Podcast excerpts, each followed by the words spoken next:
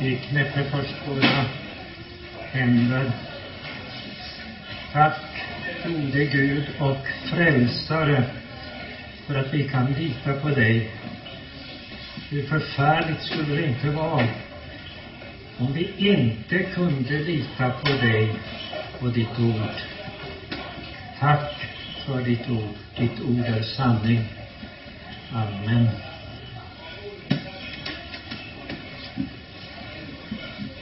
Om man har fått lära sig hemifrån hur viktigt det är med Bibeln, och den förmånen har jag haft, så var det obehagligt att ständigt möta i skolan kritik mot Bibeln. Och man kunde ju tänka sig att när man kom till universitetet och började fördjupa sig i eh, Bibelns värld lite djupare, så skulle kanske den där kritiken upphöra när riktiga experter tar till orda om Bibeln. Men det gjorde det inte. Utan tvärtom. Vi kan inte lita på Bibeln. Och för mig så var det hela tiden när jag mötte detta en anfäktelse samtidigt som jag inte fann att de som betvivlade Guds ord hade någonting att komma med egentligen. Men vid universitetet så var det framför allt en sak som skulle överbevisa mig och som överbevisade de flesta att Bibeln kan man inte lita på. Och vilken sak kunde det vara, tror ni? Det här föredraget, det lyder Jesaja-bokens storhet. Och då får ni en ledtråd. Beviset var att det var allvarliga fel i Jesaja-boken. Han hade påstått om andra fel, men de var inte så där tydliga och väl underbyggda, kunde man tycka.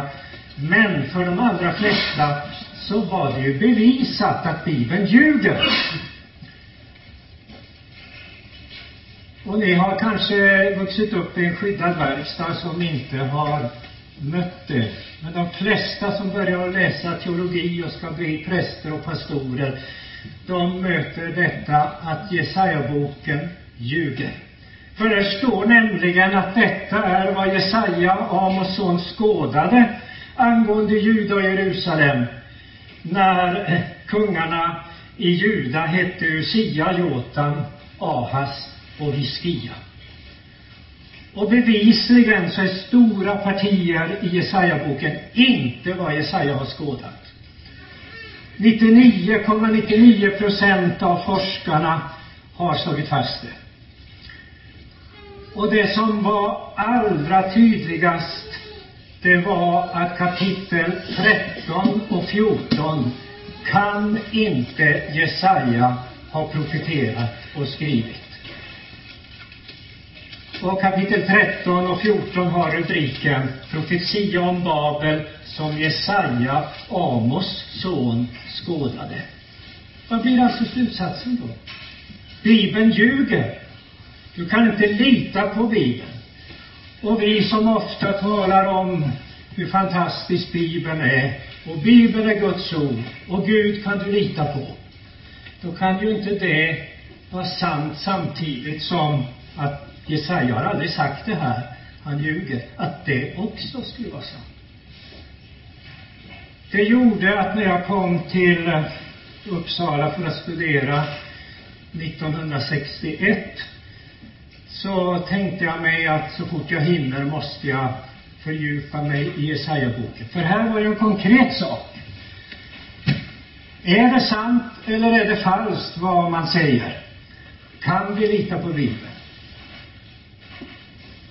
Och när jag var klar med min teol.kand. så satte jag igång då med licentiatstudier 63 och så småningom också eh, doktorsstudier. Och vad tror ni jag valde? Jesaja 13.14. Och då går det inte bara att påstå och knäppa händerna och säga att ja, Bibeln är Guds ord, det här är sant. Ja, men bevisa då att det här är sant, för det här har vi bevisat att det inte är sant. Är det någon av er som har orkat läsa senaste numret av tidskriften Biblikum om hur det heter inledning till Jesaja-boken? Där det presenteras hur dessa duktiga, kunniga forskare, vad de har kommit fram till. Man har slagit sönder Jesaja-boken i små bitar. Och när den bok som är på gång nu om Jesaja, som jag äntligen har blivit klar med, efter eh, en 50-årig vandring med Jesaja, från 64 till 2014. När den äntligen var färdig, så tänkte jag, ja men jag måste ju också flätta in lite om en bok som finns på Biblikum, som jag vet att teologistuderande och präster läser om och om igen och många tror att där har vi sanningen. Och det var en alldeles förfärlig bok. Jag ringde Lasse och frågade, kan du gå upp på Biblikum och, och låna den där boken och skicka upp till mig, för jag måste säga lite om den boken också, innan min kommentar går i tryck. Och det var ju en alldeles förskräcklig bok, som de flesta har läst. Och jag tror inte så många här förstår hur allvarligt det här är. Vilken fruktansvärd förförelse som pågår. Och hur till och med lite mera bibeltrogna skolor ändå faller till föga, för de har inga argument emot det här. Det verkar så övertygande. När 99,9 procent av forskarna säger att här är det sena tillägg både här och där i Jesaja-boken. Och det är lögn när det står att Jesaja har sagt det här. För det har han inte sagt, säger man. Han kan inte ha sagt det. Det stämmer inte med historien. Ja, om man nu motsäger vad forskarna säger så kan man ju inte bara tycka, utan så måste man stå till svars, som du vet, när man skriver doktorsavhandlingar. Och på något underligt vis så gick det att överleva den där disputationen och försvara att Bibeln är faktiskt sann. Det här är inte lögn. Det här är inte sena tillägg. Utan låter man eh, texten tala och jämför den med vad vi vet om språket, vad vi vet om den ideologiska utvecklingen, vad vi vet om historien, så kan man lugnt säga att detta måste Jesaja ha sagt precis som det står. Men det här med Jesaja är ju en väldig bok. Finns det någon annan bok i Bibeln som är lika stor? Jesaja-boken omfattar 66 kapitel. Finns det någon annan bok som är lika stor? Ja, säger då Ingrid. finns en bok. Nämligen Salmernas bok. Det är 150 psalmer. Men å andra sidan så är psalmernas bok fem böcker. Så om man tänker på det, Moseböckerna, det är fem Moseböcker och psalmernas bok är fem böcker. Tänker man på att det är fem böcker, då finns det ingen bok i hela Bibeln som är så stor som Jesaja. 66 kapitel. Kan ni hitta någon som är lika stor och omfattande? Och nu skulle jag tala lite grann om Jesaja-bokens storhet. Det är den största boken. Men framför allt med tanke på innehållet. Vilken bok! Och vilken tragedi att denna rika bok som vi har fått av Guds nåd har blivit så misshandlad och så förstörd. Så att många som läser den plockar sönder den i små bitar och får inget ordentligt sammanhang. Nu tänkte jag försöka lite grann ge några synpunkter på Jesaja-bokens storhet. Och nu har jag inte min kommentar till hand så jag kan läsa till. Men jag har en, en padda här och det kan jag ju titta ner i den någon gång. Här och där. Det jag tror är oerhört viktigt, det är att har man att göra med en bok så måste man försöka att se hur är den uppbyggd. Om jag ska kunna ta del av boken i dess helhet, alla de 66 kapitlen, och inte se något sammanhang och hur det hänger ihop, så går jag ju ganska lätt vilse. Jag förstår inte riktigt hur, hur menas det här och hur hänger det ihop? Vad jag har funnit är att den här boken är helt underbar. Helt fantastiskt komponerad. Det som gör att många har svårigheter när man läser Jesaja, det är att man inte har sett hur boken hela tiden skiftar mellan dom och frälsning. Dom och frälsning, dom och frälsning, dom och frälsning. Lag och evangelium, lag och evangelium, lag och evangelium. Det sanna Sion och det falska Sion. Hur kan det på en gång stå att Sion är den mest fantastiska stad, mest fantastiska berg, mest fantastiska församling och samtidigt Sion är den värsta av allt, ständigt upprorisk, den, den, den fräckaste sköka eller hora. Hur går det ihop? Hur kan eh, Herrens vingård, som ett annat namn för församlingen eller för Jerusalem, å ena sidan har fått så mycket nåd och godhet från Gud. Gud har grävt, han har gjort i ordning allting. Och vad blir det resultatet? Stinkande druvor istället för goda druvor. Eländes elände. Och sen på ett annat ställe längre fram så står det om vingården som är den mest fantastiska. Hur kan det vara dessa olikheter? Hur ska man förstå det? Jag ska kort försöka ge er några enkla eh, förklaringar. Om man går redan till första kapitlet så är det en, eh, kan man säga, en löpsedel för hela boken. Eller en inledande överblick som just fångar in vad eh, som finns i hela boken, den här motsättningen. Det börjar ju med rubriken som jag nämnt. Det här är vad Jesaja inte har tänkt ut själv. Utan det är chason, står det på hebreiska. Det betyder vad Herren har gett honom som han har fått se det. Och det, han har fått se filmen, men ingen stumfilm. Han har också hört och sett. Så han kan ju berätta om hur Herrens Messias blir genomborrad och så använder han förfluten tid. Han har ju sett det. Så han säger, han, han säger inte han kommer att bli genomborrad om 700 år, drygt. Utan han säger, han blev genomborrad för våra synders skull och slagen för våra missgärningars skull. Eller när han säger det folk som vandrar i mörkret, så säger han ordagrant, såg ett stort ljus. Han har sett filmen, hur Messias kommer där i Galileen som det sanna ljuset, och han beskriver det. Han använder förfluten tid, fast det handlar om framtiden. Han har sett framtiden. Han har inte bara sett framtiden om Messias, han hade sett framtiden om hur assyrierna skulle härja och förstöra. Han hade sett att man som ingenting skulle inta Jerusalem, men man skulle vid detta tillfälle inte komma in i denna stad. Helt märkligt. Utan det skulle dröja ytterligare en över hundra år. Han hade sett hur en hedning kommer att göra att folket får möjlighet att vända tillbaka till Jerusalem efter en fångenskap i Babylonien. Han hade sett att hedningen Koresh, som inte kände mig, som en hedning, som en perser, han ska vara mitt redskap. Han ska vara min herde. Och det är ju märkligt.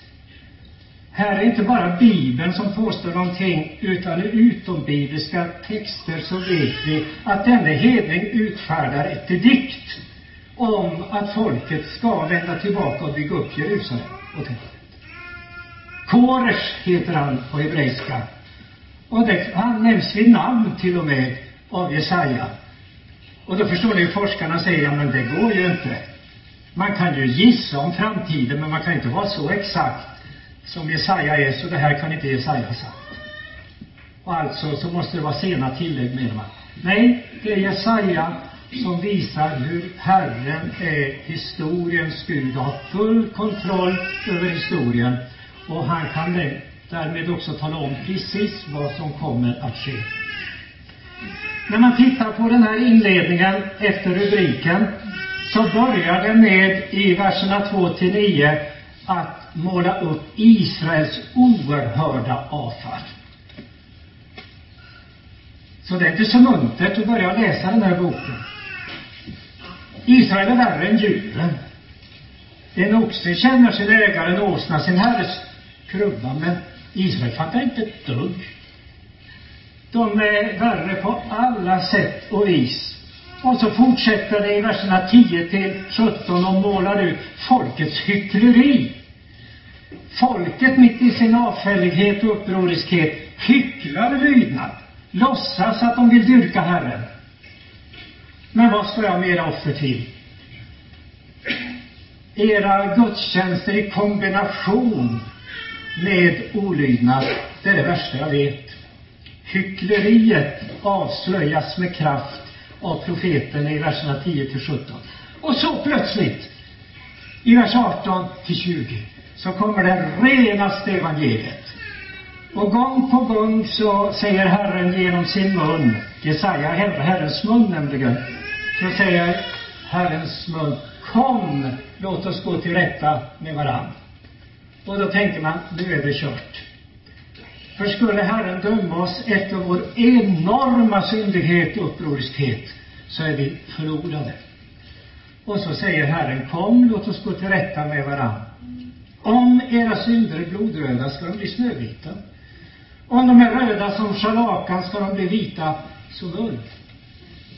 Evangelium i dess renaste form. Och så är det hela tiden. Avslöjar avfallet och hyckleriet och så plötsligt lyser det starkaste evangeliet fram. Och det är någonting man behöver om man är förlorad. Om det är kört. Om man är fördömd.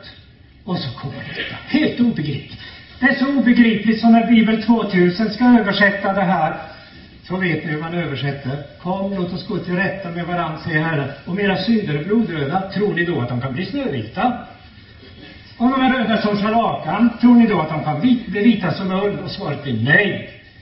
Ni måste dömas. Och det är den naturliga, lagiska tolkningen från eh, både forskare och från människan själv att det kan ju inte vara det rena evangeliet. Men det är det.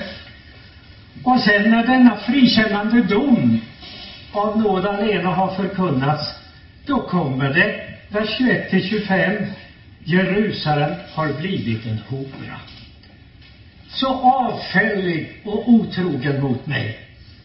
Kommer domen igen och fördömelsen. Och sen vers 26 till 31, de sista verserna i första kapitlet, så kommer från dom till frälsning. Alltså, dom och frälsning. Lag och evangelium. Och så är det rakt igenom eh, hela boken. Hur är då denna fantastiska bok uppbyggd efter detta inledande grandiosa kapitel? Det finns ett mellanparti i boken som berättar vad som hände år 701 före Kristus. Och det partiet är kapitel 36 till 39. De flesta forskare säger att det måste vara sent tillägg, det passar. Det är själva grundbulten i bokens komposition. Före kapitel 36 så pekar allt framåt från Jesajas kallelse 740 fram till 701. Vad hände? Vad gjorde profeten? Vad sa profeten?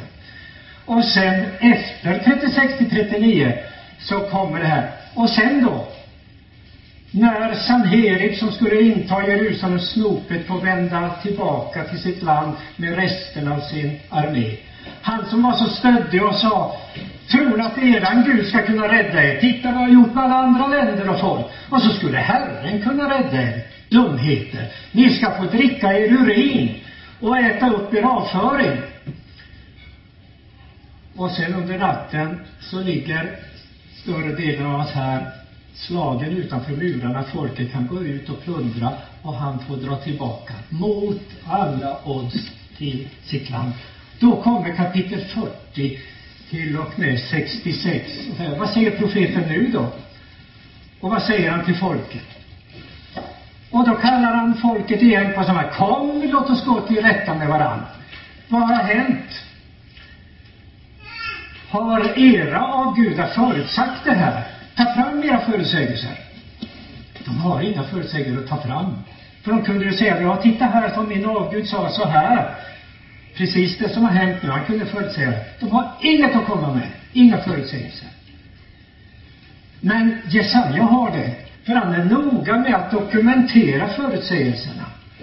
Han säger, jag och barnen som du har gett mig, vi är tecken och under i, i, i Israel. Och de bevittnar vad som ska ske. Och han kan ta fram hur han har förutsagt att assyrierna skulle komma som en rakkniv och skära bort allt i landet. Skulle totalt plundra, förstöra, ödelägga, lägga ruiner hela landet. Och han hade sagt, men Jerusalem, där ska ni inte komma in. Och nu säger han, titta det här var förutsagt, ni kan ju se det, och nu har det hänt. Och efter det så säger han, och från och med nu så förutsäger jag nya ting. Och då borde man ju tro det också. Titta, det jag förutsäger, det händer ju. Men man tror inte det. Fastän det stora undret har hänt så fortsätter man i synd så kolossalt. Och fortsätter vi att läsa i Jeremia och Hesekiel så ser ni uppror mot Gud, uppror mot Gud. Du upproriska folk, du upproriska folk. Om och om och om igen. Och då ser ni hur stor och väldig och förförisk synden är. Ni kan inte fatta vilken hemsk makt synden är.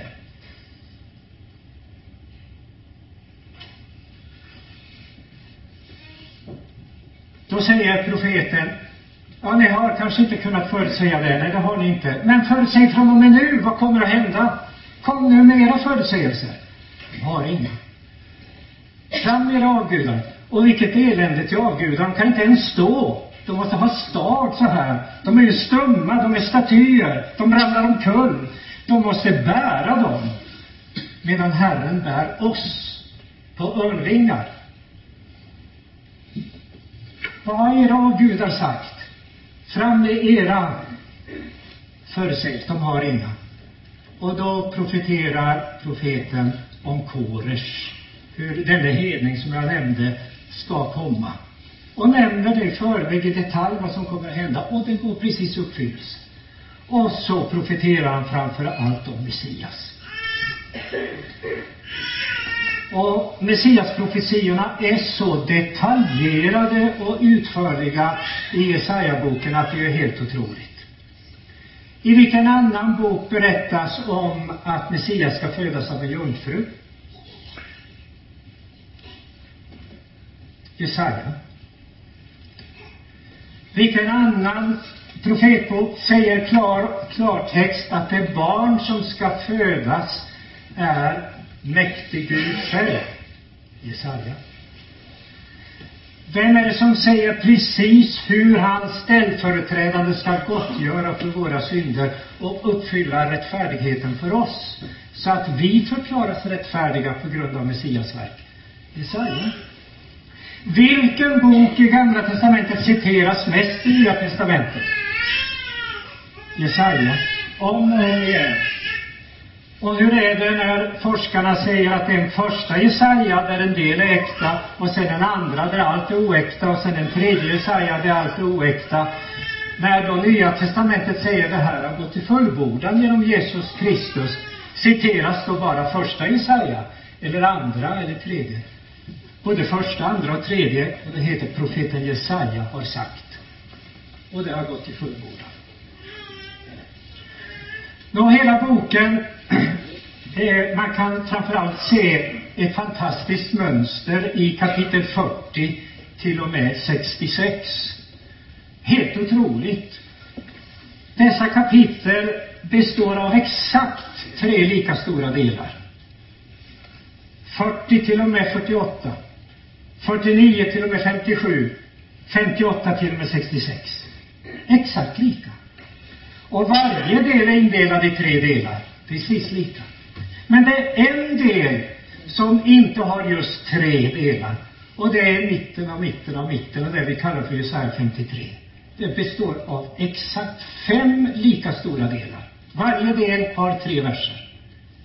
Det börjar med 52, 13 till 15 och sen kommer 53, 1 till 3 och så precis i mitten, för det blir ju en mitt då, inte sant, om det är fem delar. Så i mitten har ni då 53, 4 till och med 6. Och kan du läsa evangeliet tydligare någon annanstans så ska du få 100 kronor av mig. Den man mitter har det tydligaste evangeliet lyser fram. Så tydligt som man tror att Jesaja har stått där på Golgata och sett precis hur frälsaren blev genomborrad i vårt ställe. Och så kommer därefter då verserna 7 till 9 och sen slut den femte delen då 10 till 12. Helt otroligt. Men då frågar man sig, ja men före den där, eh, det där centrumet med 36 till 39, hur är det komponerat? Ja, det är också helt otroligt. Fast den där profeten samlar hur han har verkat i historien från 740 fram till 701 så är det också fantastiskt ordnat. Det har också mitt. Det är fem delar och då finns det ju en mitt. Och den mitten är kapitel 24 till och med 27. Och det är något, något helt eh, otroligt. Det kapitlet kommer efter en avdelning som talar om domen över olika folk. Och I kapitel 13 till och med 23, det som började med domen över Babel. Babel som är symbolen för djävulen och ondskan och fiendskapen mot Gud i alla tider. Kapitel 24 till och med 27 blickar framåt, där vi får se Guds slutliga dom Dessförinnan har varit dom i tiden över Babel, över Moab, över Egypten, över olika folk runt omkring Gudsfolket. Men här så kommer den slutliga domen och en beskrivning av Herrens eviga härlighetsrike. Kapitel 24 till och med 27. Vad tror ni forskarna säger om de kapitlen? En mycket sen, ett mycket sent tillägg i Jesaja-boken. Ungefär från 500 år efter Jesajas tid har dessa kapitel tittats in. Varför då? Det talar om det dödas uppståndelse.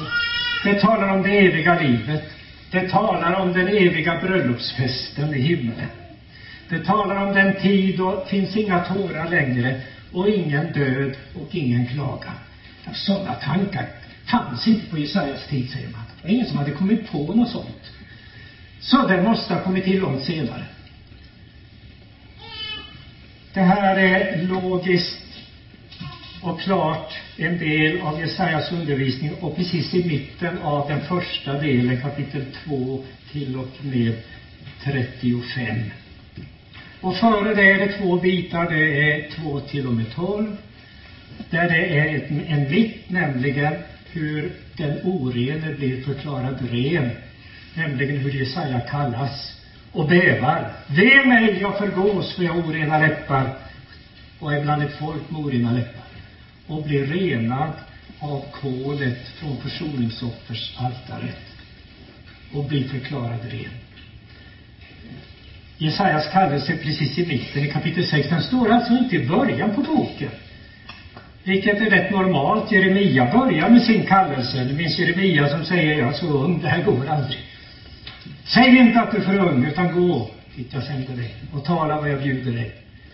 Men Jesaja sätter denna märkliga kallelse precis i mitten av den första avdelningen, 2 till och med 12. Och före det så har han exakt två Messiasprofetior i 2 och 4 och två stycken till i, i 7 och 9 och så vidare. Väldigt väl eh, komponerat. Och efter den här mitten av, av 24 till och med 27, hänger det med nu? Det är mycket siffror. Så kommer sedan, eh, från och med 20, 28, eh, så kommer fem B-utsagor. Och därefter dom och frälsning igen i kapitel 34 och 35. Domen över Edom. Ni minns vem Edom var? Jakobs tvillingbror som blev ett folk. som hela tiden kämpar emot Israel, Jakob. Och sedan kapitel 35, som är det fan, mest fantastiska evangeliet. Återigen ett problem för forskningen och översättarna.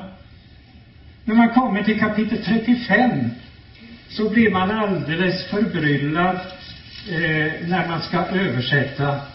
Där beskrivs ju frälsningen under bilder av ödemark som, som blommar. Där det är torrt så rinner det friskt vatten. Han är ju mästare, Jesaja, med att använda bildspråk. Och så säger han mot slutet av det här kapitlet 35, vers 8. En banad väg, en vandringsled ska gå där. Den här banade vägen, det är inget som vi kan fixa. Ni vet, ni som har varit i Israel där, att det behöver banas väg där. Det går upp och ner, upp på bergen och krokigt, krokigt och ner i dalar.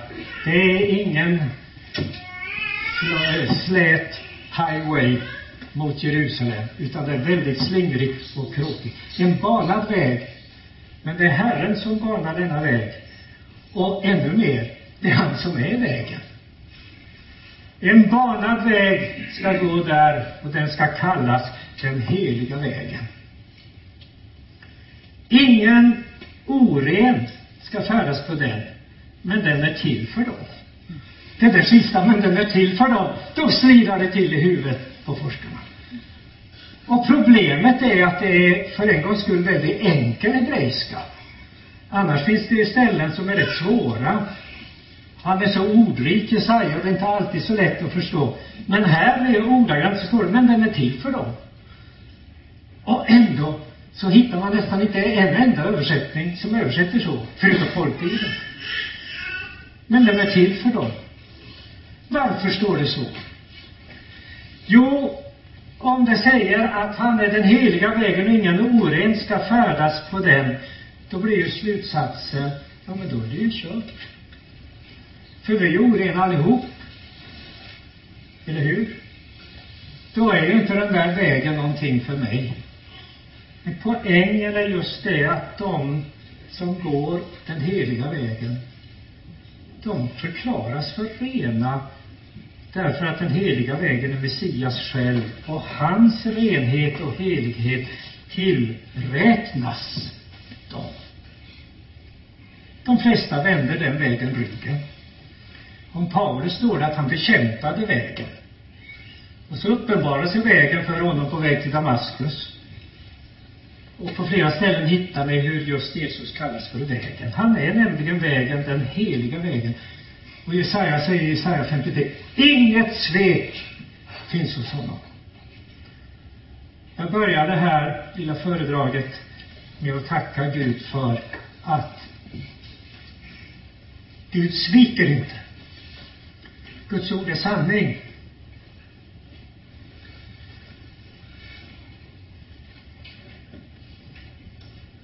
Det står vidare, de som vandrar den vägen ska inte gå vilse även om de är dårar. Ganska trösterikt. För när jag rör till det för er så här mycket nu så, jag tittar på er så, jag kan inte säga att ni ser ut som dårar. Men jag tror inte ni fattar allt vad jag säger. Men just det, vi är okunniga dårar. Vi behöver hjälp, vi behöver vägledning. Och vi har dessa starka löften som inte sviker. Genom Messias och hans verk så kommer vi till himlen. Vi går inte vilse. Även om vi är dårar. Lejon ska inte finnas där. Rovdjur ska inte komma dit. De ska inte finnas där de återlösta, de friköpta, det är de som går på den vägen. Herrens friköpta vänder tillbaka och kommer till Sion med jubel. Evig glädje krönar deras huvuden. Fröjd och glädje ska de få. Sorg och sucka ska fly bort. Så slutar kapitel 35 och så slutar den här första delen. Och kommer ni ihåg nu?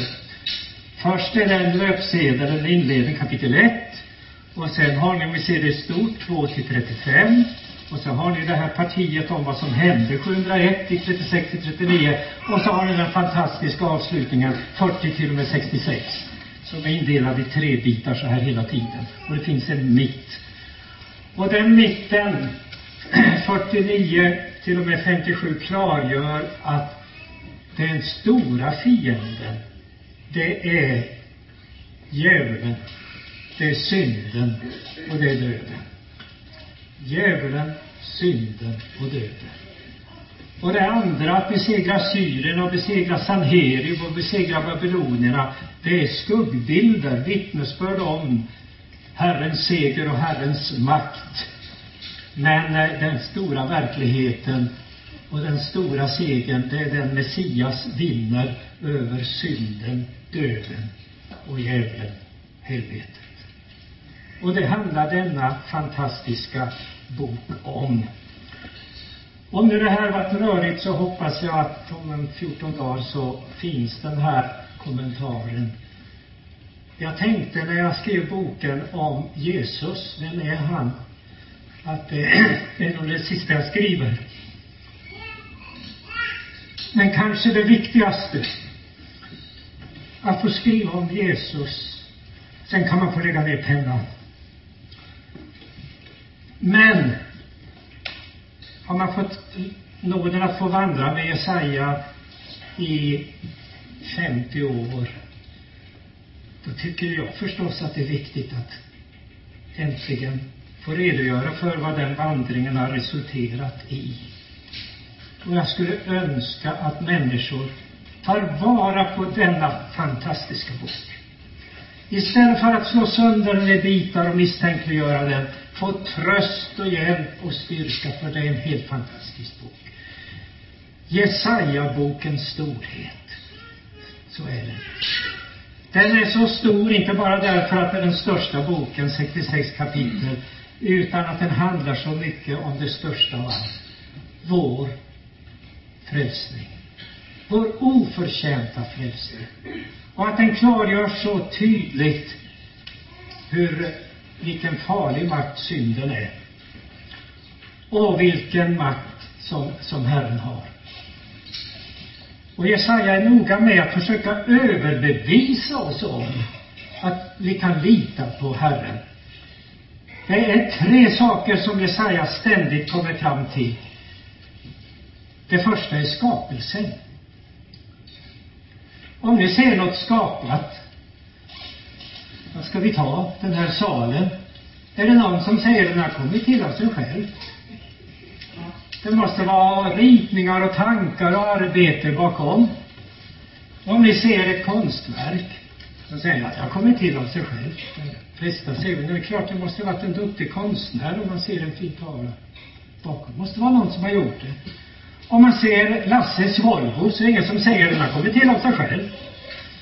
Utan det måste vara de som har konstruerat den och gjort den. Men när det gäller det största av allt, universum, har ni hört talas om hur många stjärnor det finns? Hur många vintergator det finns? Och vilka avstånd det finns? Det har kommit till av sig själv. Skapelsen har skapat sig själv. Inte bara att Herren har skapat allt detta, han heter Herren Sebaot ser anger att han är skaparen. Utan dessutom har han full kontroll över skapelsen. Han styr skapelsen. Han regerar över Sanherib och Koresh och över folken. Han vet i förväg vad de gör och vad som ska hända. Han har all, all makt i sin hand. Det är det Det andra som är det, att det är just att han har uppenbarat sig inte bara genom skapelsen, utan han har ju gripit in. Ja, det kan du säga, ja. Det påstår alla, att de har sett tomtar och troll och allt möjligt. Nej, inför ögonen och inför öronen på massor av människor. För de står där och kan inte förneka det. De har sett det. Den stora händelsen som ofta lyfts fram, det är uttåget ur Egypten. Hur många var det som såg vad som hände? Till och med egyptierna såg vad som hände. Det var en helt remarkabel händelse. Men det är inte i hemlighet, det är inte som Muhammed som sitter ensam i en grotta någonstans. Ingen har sett något Var Muhammed. Utan tusen och åter tusen har sett och hört. De har sett vad som hände vid Sinai berg. De har sett vad som hände under ökenvandringen. Och de har sett under hela Israels historia vad som hände. Han har uppenbarat sig. Eller när Herren Jesus kommer, den utlovade frälsaren. Man såg det. Man såg att Lazarus som luktade redan kom ut. Det gick inte att förneka. Man såg att den blindfödde plötsligt såg. Man kunde inte förneka det. Hela tiden så är det har så bevisat att det är uppenbart. Och man kan naturligtvis förneka det. Det är som vakterna vid, vid Jesu grav. De går ut och säger, ja, gå och tala om till folk att de kom och stal Jesu kropp medan vi sov. Hur mycket ser man när man sover? Man tar till alla möjliga konstiga lögner för att avfärda det faktum att graven var tom. Han har uppstått. Man kan inte plocka fram liket, vilket man kunde annars ha gjort lätt. Utan man sprider ut lögnen att de stal kroppen och gömde undan den medan vi sov.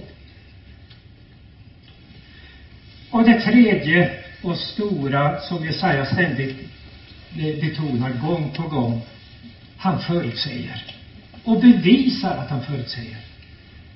Jag har förutsagt detta och kan bevisa att det är förutsagt och inte bara förutsagt.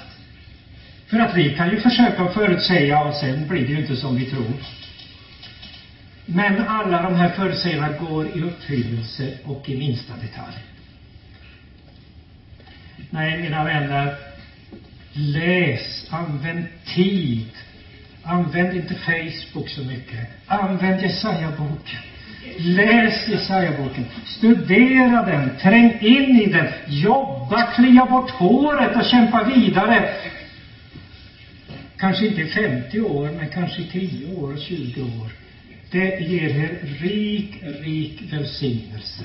Jesaja-boken, det är en storhet att gripa sig an. Lycka till. Tack för ordet.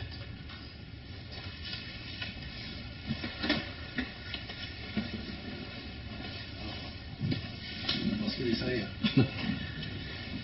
Vi har en hållpunkt här klockan fem då vi ska äta kvällsmat. Men tills dess så har vi två saker. För det första får ni ställa frågor inte sätta Erlandsson om Jesaja-boken.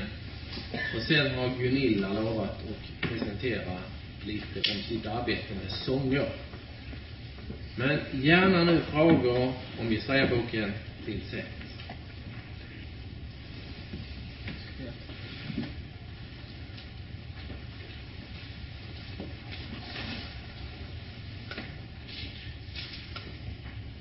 Du nämnde eh, ganska tidigt där om, om en bok som eh, du ansåg hade varit riktigt farlig eh, som många hade läst. Men jag uppfattar aldrig att du sa vilken bok. Jag får tolka det som att det är en bok du avråder där med. Men vilken bok var det du syftade på? Ja, jag kunde avråda för ett par hundra böcker. Nästan alla, om vi säger. Det var Men den här alltså- boken har använts som kursbok väldigt mycket. Den är författad av Klaus Westerman. Och den, här, den handlar om Jesaja 40 till och med 66. Den är på engelska. Isaiah 40 to 66. En fruktansvärd, men den är inte gräsligare än de flesta andra böcker. Man kan läsa Wilbergers kommentarer, ja det, ja, ja, det mesta som har skrivits, och inte minst av tyska exegeter, men också av många andra. Det är så sorglig läsning. Men om du vill ha namn och, och årtal och, och sånt där, så kan du skaffa min kommentar. Det finns det i fotnoter. Eh, omnämnda. Tillräckligt med eländig litteratur. Men det som skrämmer mig, det är, jag, jag har ibland, jag har hållit föredrag om det här på också en del frikyrkliga seminarier. Och där man, man har inte anat någonting. Och tycker att det spelar väl inte så stor roll. Och då lever man på något vis vid sidan av i en drömvärld. Och fattar inte vad som ni sa här förut, vilken förförande makt det här med evolutionismen är. Det kan man inte bara låta härja på och, och, och sticka huvudet i sanden. Utan det förför ju så oerhört. Men samma sak är med den här bibelkritiken som jag berör. Man kan ju tycka att det verkar jobbigt och onödigt. Och det är klart, alla behöver ju inte plöja i det här eländet. Men eh, ibland behöver man lite hjälp för att kunna stå emot det här. Och jag behövde det. Jag tänkte, här har det bevisat för mig. Jag, jag tror inte på dubbel sanning. Jag tror inte att bibelkritiken är sann och så är Bibeln också sann. Det går inte. Får vara någon ordning i hjälpkontoret. Båda sakerna kan inte vara sanna. Man kan inte stå och hyckla och säga, tala om Guds ofelbara och sanna ord. Och så samtidigt så delar man ut till sina elever och använder det i sin pastorsutbildning, det som säger att det inte är sant. Det går inte ihop. Men detta har alltså varit stort sett genomgående på samtliga teologiska skolor och just den här synen på Jesaja, det är alltså väldigt utpräglat Att det har färgat även eh, teologiska skolor där man har en bibeltro har man också då delar. Men när det gäller Jesaja så, så är det så här och så här. Precis, det finns en, en bibelskola som har blivit teologisk högskola i Örebro som eh, har då varit lite mera väckelsemässig, lite försöker försöka hålla mera på Bibeln och annat sånt där.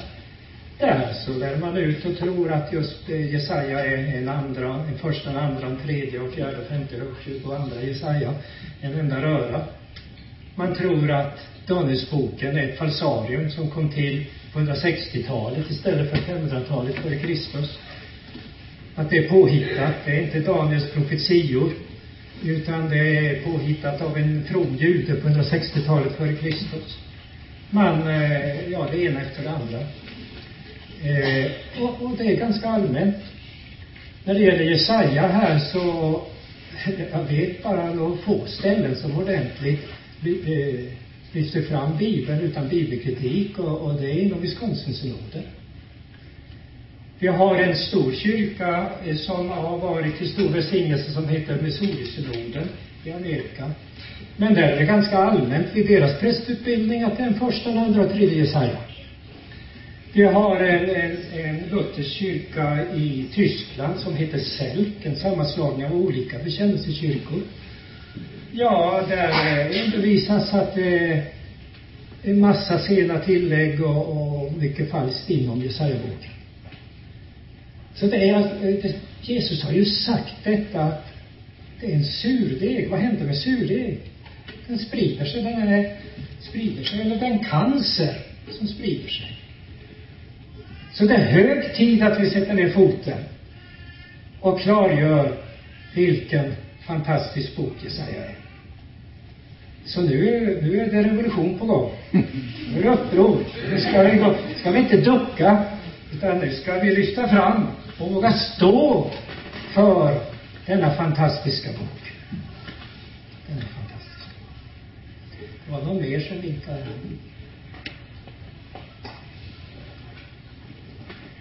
Jo, en sak jag undrar. Det är det här med, om man har förstått, alltså att eh, bibelkritiken, de tror inte på Guds uppenbarelse. Det är liksom genomgående som ett råd genom hela Bibeln. Och Jesus har ju också det i det. Men om man har förstått att, att uh, Gud existerar och han har gett Jesaja vad han ska säga, hans gåva i framtiden. Det är det första. Om man har förstått det och så har man dessutom förstått att en lag och evangelium. Och ger det då inte själv. Om man har det grunden klar, då liksom förstår man början också. Då lossar det. Och då förstår man. Ja, det är precis så. Men det är detta man inte vill, eh, detta med lag och evangelium, det, det är väldigt många som inte förstår detta. Det är en sorts motsägelse som man inte kan acceptera och förstå. Och detta eh, är, är Gud. Det, det är omodernt. Det, det vill man inte heller acceptera. Men precis som du säger, har man förstått detta då är saken klar.